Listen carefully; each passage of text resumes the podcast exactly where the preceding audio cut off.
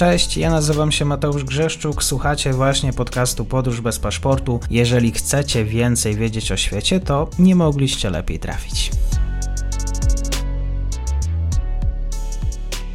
Partnerem odcinka jest Oanda, TMS Brokers, dom maklerski obecny na rynku już od ponad 20 lat. W opisie odcinka znajdziecie link do aplikacji, której możecie otworzyć konto maklerskie i grać na giełdzie, a wcześniej potrenować na koncie demonstracyjnym. Jeżeli otworzycie konto za pośrednictwem tego linku, dostaniecie na start książkę o tematyce inwestycyjnej. Zapraszam, Mateusz.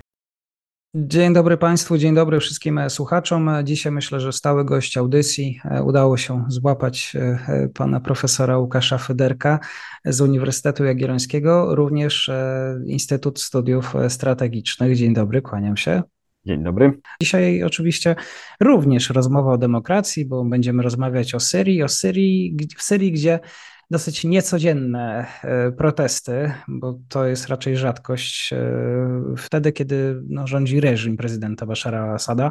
Reżim, który myślę, że nie, nie słabnie. Ja widziałem filmy z mediów społecznościowych. E, tutaj siły bezpieczeństwa w jakiś sposób chciały powstrzymać sytuację, gdy setki ludzi wyszło na ulicę. Jak właściwie reagować na te niepokoje, panie profesorze? No cóż, to jest właśnie dylemat y, reżimu Bashara al-Assada, bo y, mamy protesty masowe w miejscu, które przez cały okres y, rewolucji 2011-2012 i tego czasu, kiedy rewolucja przekształciła się w tą tragiczną, bratobójczą wojnę domową, która stała się teraz wojną domową właściwie no, e, zamrożoną, tak można powiedzieć. Ale w toku całego tego procesu były, były dwa obszary, o które reżim Bashar al-Assada nigdy się nie obawiał. To były obszary zamieszkałe przez mniejszości. Mniejszość, z której wywodzi się Bashar al-Assad, czyli mniejszość alawicką, która zamieszkuje w tereny nadmorskie w okolicach miasta Latakia i mniejszość druzyjską, która zamieszkuje tereny południowe blisko granicy, czy też właściwie przy granicy jordańskiej, Jabal, w górach Jabal Durus w prowincji Suwejda. I to właśnie w tym drugim obszarze, w obszarze, e, czy też w, w, w obszarze, którego centrum jest miasto Suwejda, wybuchły, e, doszło, dochodzi przez od dwóch ostatnich tygodni do największych protestów w Syrii. Tak? I mamy tam też flagi pokaz, podkreślające separatyzm druzyjski.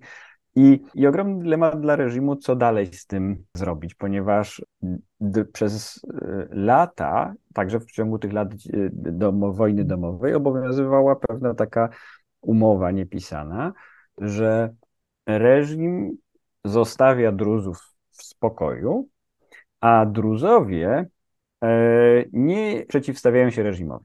I ta umowa jakby społeczna, taka niepisana, oznaczała też, że w obszarze właśnie tym, tej prowincji Suwejda właściwie nie ma sił bezpieczeństwa reżimu, a jeżeli są, to są tam oddziały, które są złożone tylko z druzów, czyli to jest jakby sami swoi, tam poprzestają, i co bardzo istotne, e, z druzów oddziały właśnie bezpieczeństwa, czy, czy, czy nie, nie, nie brano rekruta druzyjskiego do sił bezpieczeństwa Asada. To był, to był ważny element, ponieważ młodzi druzowie nie ginęli na frontach tej e, bardzo brutalnej przecież wojny domowej, ale też nie byli torturowani jako opozycjoniści, ani też nie brali udziału w, w walkach po stronie reżimu. Poza nielicznymi stosunkowo wyjątkami jakby ochotniczymi, ale nie, nie dochodziło do, do poboru, nie, nie, nie było tam regularnie przeprowadzonego poboru. I e, te, no to ta ponad dekada takiego bardzo szerokiej, można powiedzieć mimowolnie wy, wy, wykształconej samorządności czy, czy, czy autonomii tego okręgu druzyjskiego doprowadziła, to jest to, to jest to prawo niezamierzonych konsekwencji, które tak często obserwujemy w polityce, ale doprowadziła do tego, że aktualnie Druzowie, protestując przede wszystkim, wchodząc na ulicę, protestując przeciwko złym warunkom ekonomicznym, jednocześnie zaczynają formułować coś, czego nie robili przynajmniej od, przez ostatnie właściwie 100 lat, bo, bo, bo, bo to na początku XX wieku, w dobie mandatu francuskiego, takie mm, rządy, żądania się pojawiały, czyli domagają się swojej autonomii, swojego odrębnego państwa.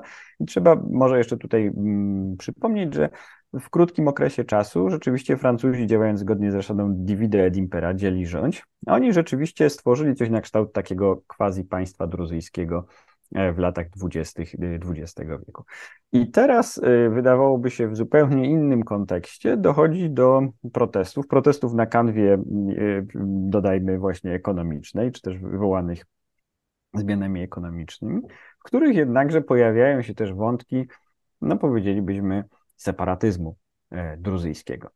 I, e, i to są, to są te, mm, te, te, te, te niezwykłe konteksty, niestandardowe konteksty, choć dodajmy, że protesty nie są tylko zawężone do, do Suwejdy, do obszaru druzyjskiego, one są też w innych miastach, ale w innych miastach czy prowincjach Syrii, E, no tam jest łatwiej kontrolować rządowi, ma swoje własne siły bezpieczeństwa i, i, e, e, i, i jest z, łatwo, z większą łatwością może te protesty ograniczać.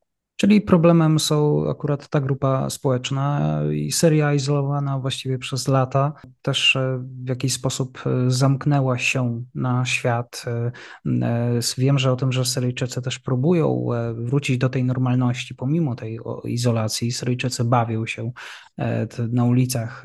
Ten, te, te ulice wyglądają już nieco, nieco, nieco inaczej. Jakieś echa ostatniej decyzji, też przywrócenie do Ligi Państw Arabskich? No, y, jest nieco zawodu po stronie, bo, bo, bo ludzie oczekują, mają wielką potrzebę normalności y, i ta istniało, istniało przekonanie wśród chociażby Damasceńczyków, którzy w większości popierają, popierali popier aktualnie, no, albo są zupełnie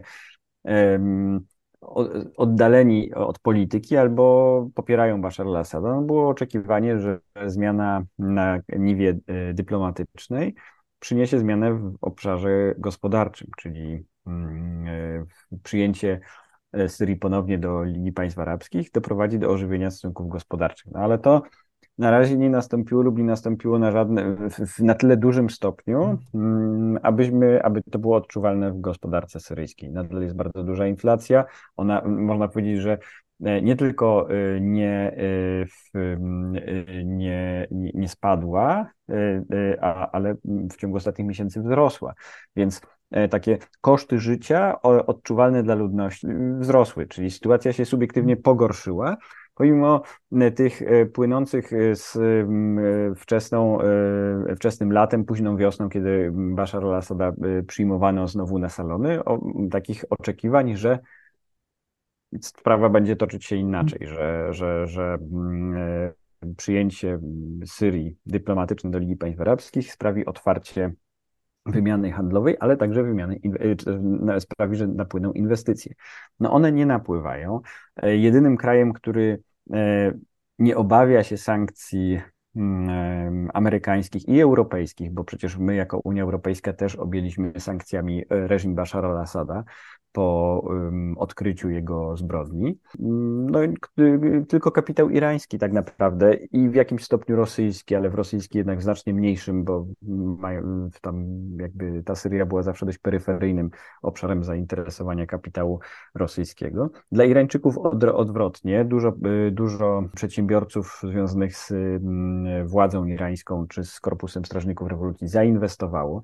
W Damaszku nawet mówiło się, że na rynku nieruchomości e, co druga nieruchomość, transakcja była sprzedawana, były to, to, to, to nieruchomości sprzedawane Irańczykom, ale to też się wyczerpało, ten pęd mm, się wyczerpał i, no i pojawia się wielki znak zapytania, co dalej, tak? I ten kapitał, na który liczono, czyli kapitał saudyjski, kapitał emiracki, kapitał kuwejski, on póki co nie spływa, a w każdym razie nie spływa w takiej skali, która by pozwoliła odczuć, która byłaby odczuwalna dla ludności. Oczywiście są pewne obszary, w których reżim stara się swoimi dotychczasowymi partnerami, czyli z Iranem i Rosją, poprawiać sytuację gospodarczą. No, tym obszarem jest chociażby import zboża. E, no niestety, no to jest taki mm, paradoks, że e, do Syrii przepływają przez Bosfor z e, statki z zbożem, z, właściwie można powiedzieć, z, z, jeszcze z silosów ukraińskich, tak, na, na wybrzeżu Morza Azowskiego na przykład. Ten, ten ruch takich transportów zboża jest,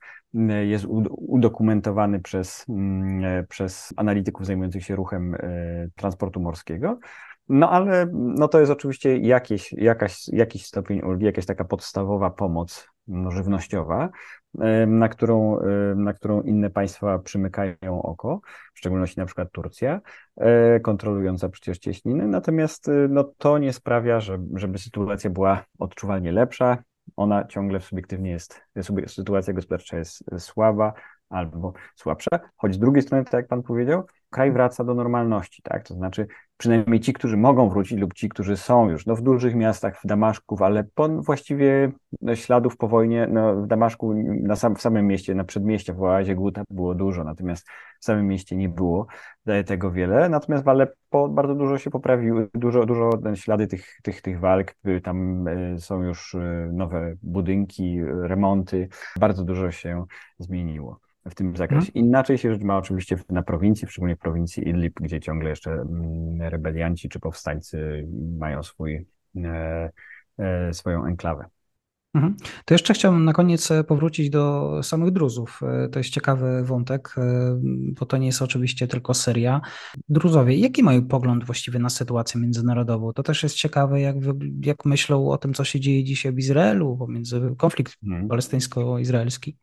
Tak, no więc y, Druzowie y, stanowią e, grupę wyznaniową, która y, zazwyczaj zaliczana jest do wyznania szyickiego, ale tak naprawdę bardzo wielu muzułmanów powątpiewa, czy Druzowie w ogóle są muzułmanami, czy przynależą do, do, do, do domu do tego namiotu islamu, ponieważ krytycy tego, żeby uznawać Druzów za mm, muzułmanów, mówią, że to jest tak naprawdę religia politeistyczna. Mhm. I Trudność badawcza z e, religią druzyjską polega też na tym, że mm, e, mamy tam e, stopnie wtajemniczenia. Mamy jakby starszych, mamy szajchów, i to nie jest religia powszechna, w której wyznanie wiary jest podawane wszystkim wiernym. Mamy tutaj stopnie wtajemniczenia i dopiero przekraczając kolejne te stopnie wtajemniczenia w mhm. toku konkretnych rytuałów, wierni dowiadują się o credo, o, o swoim, o, o, o istocie swojej wiary.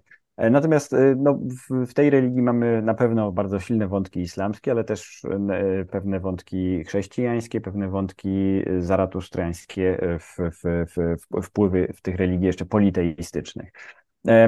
I Druzowie są na Bliskim Wschodzie rozproszeni w trzech krajach, to znaczy w Libanie, w Syrii i w Izraelu.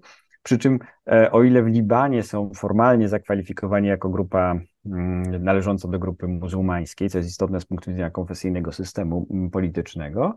E, w Syrii też są formalnie uznawani za, e, za muzułmanów. O tyle w Izraelu oni się nie identyfikują jako muzułmanie i, i w, na przykład to sprawia, że mają swoją własną druzyjską tożsamość i są zintegrowani na przykład, w, w, służą i zresztą mają opinię bardzo um, dobrych żołnierzy w, w izraelskich siłach obronnych. E, więc e, można powiedzieć, że tutaj mamy mm, bardzo odmienne ścieżki e, takich, takich wyborów politycznych tych trzech wspólnot. Wspólnot, które no, historycznie ewoluowały, z, znaczy no, no, wywodzą się z gór Libanu i, i, i, i właśnie stamtąd przemigrowały, czy to na południe do, na ziemię dzisiejszego Izraela, czy na południowy południowy wschód na ziemię dzisiejszej Syrii, w czasach, kiedy to wszystko było e, jednym e, obszarem, który nazywał się Bilad al-Sham, czyli Nazywamy to często Wielka Syria czy kraj Damaszku, y, czyli a de facto była to prowincja najpierw Mameludzka, potem Imperium Osmańskiego. Więc y, tak w telegraficznym skrócie, żeby nie y, tego wykładu o, o Druzach nie, nie rozwijać tu nadmiernie. Natomiast jest to, jest to bardzo ciekawa grupa wyznaniowa, bardzo hermetyczna i podejmująca osobliwe wy, wybory polityczne. W każdym z tych trzech krajów mająca inną trajektorię. W Libanie Druzowie zmieniają koalicję, mają swojego przywódcę Walida Dżumbulata, który, który zawsze lawiruje między chrześcijanami, maronitami, sunnitami i szyitami. E, w Syrii historycznie, odkąd doszła partia Al-Bas do władzy, wspierali partię Al-Bas, ale z takiego właśnie, z takiej pozycji wspierania, ale nie bycia za bardzo, za głęboko za, zaangażowanym w działania reżimu Alawitów. E, natomiast w Izraelu, e, pomimo tego, że posługują się językiem arabskim na co dzień, są, można powiedzieć, etnicznie Arabami, e, no, stali się stali się obywatelami państwa Izrael i jakby ta ich tożsamość arabska została jakby zamazana, a a, a są, zostali, zintegrowani z społeczeństwem izraelskim jako nieżydowscy Izraelczycy mm, mający tą dobrą opinię właśnie jako żołnierze. Musimy się umówić na rozmowę może nieco, nieco szerszą, bo rzeczywiście to jest bardzo ciekawy e, wątek. Myślę, że słuchacze również potwierdzą w komentarzach, że o, o, chcieliby posłuchać o tym, jak, to jest tą grupą społeczną. Tymczasem bardzo dziękuję za dzisiejszy komentarz. Profesor Łukasz Federek, kłaniam się. Dziękuję uprzejmie. I to już koniec na dzisiaj. Zapraszam na profil podcastu Podróż bez paszportu na Facebooku, Instagramie i Twitterze. Zachęcam też do wsparcia mojej pracy na serwisie Patronite oraz Buy Coffee. Do usłyszenia.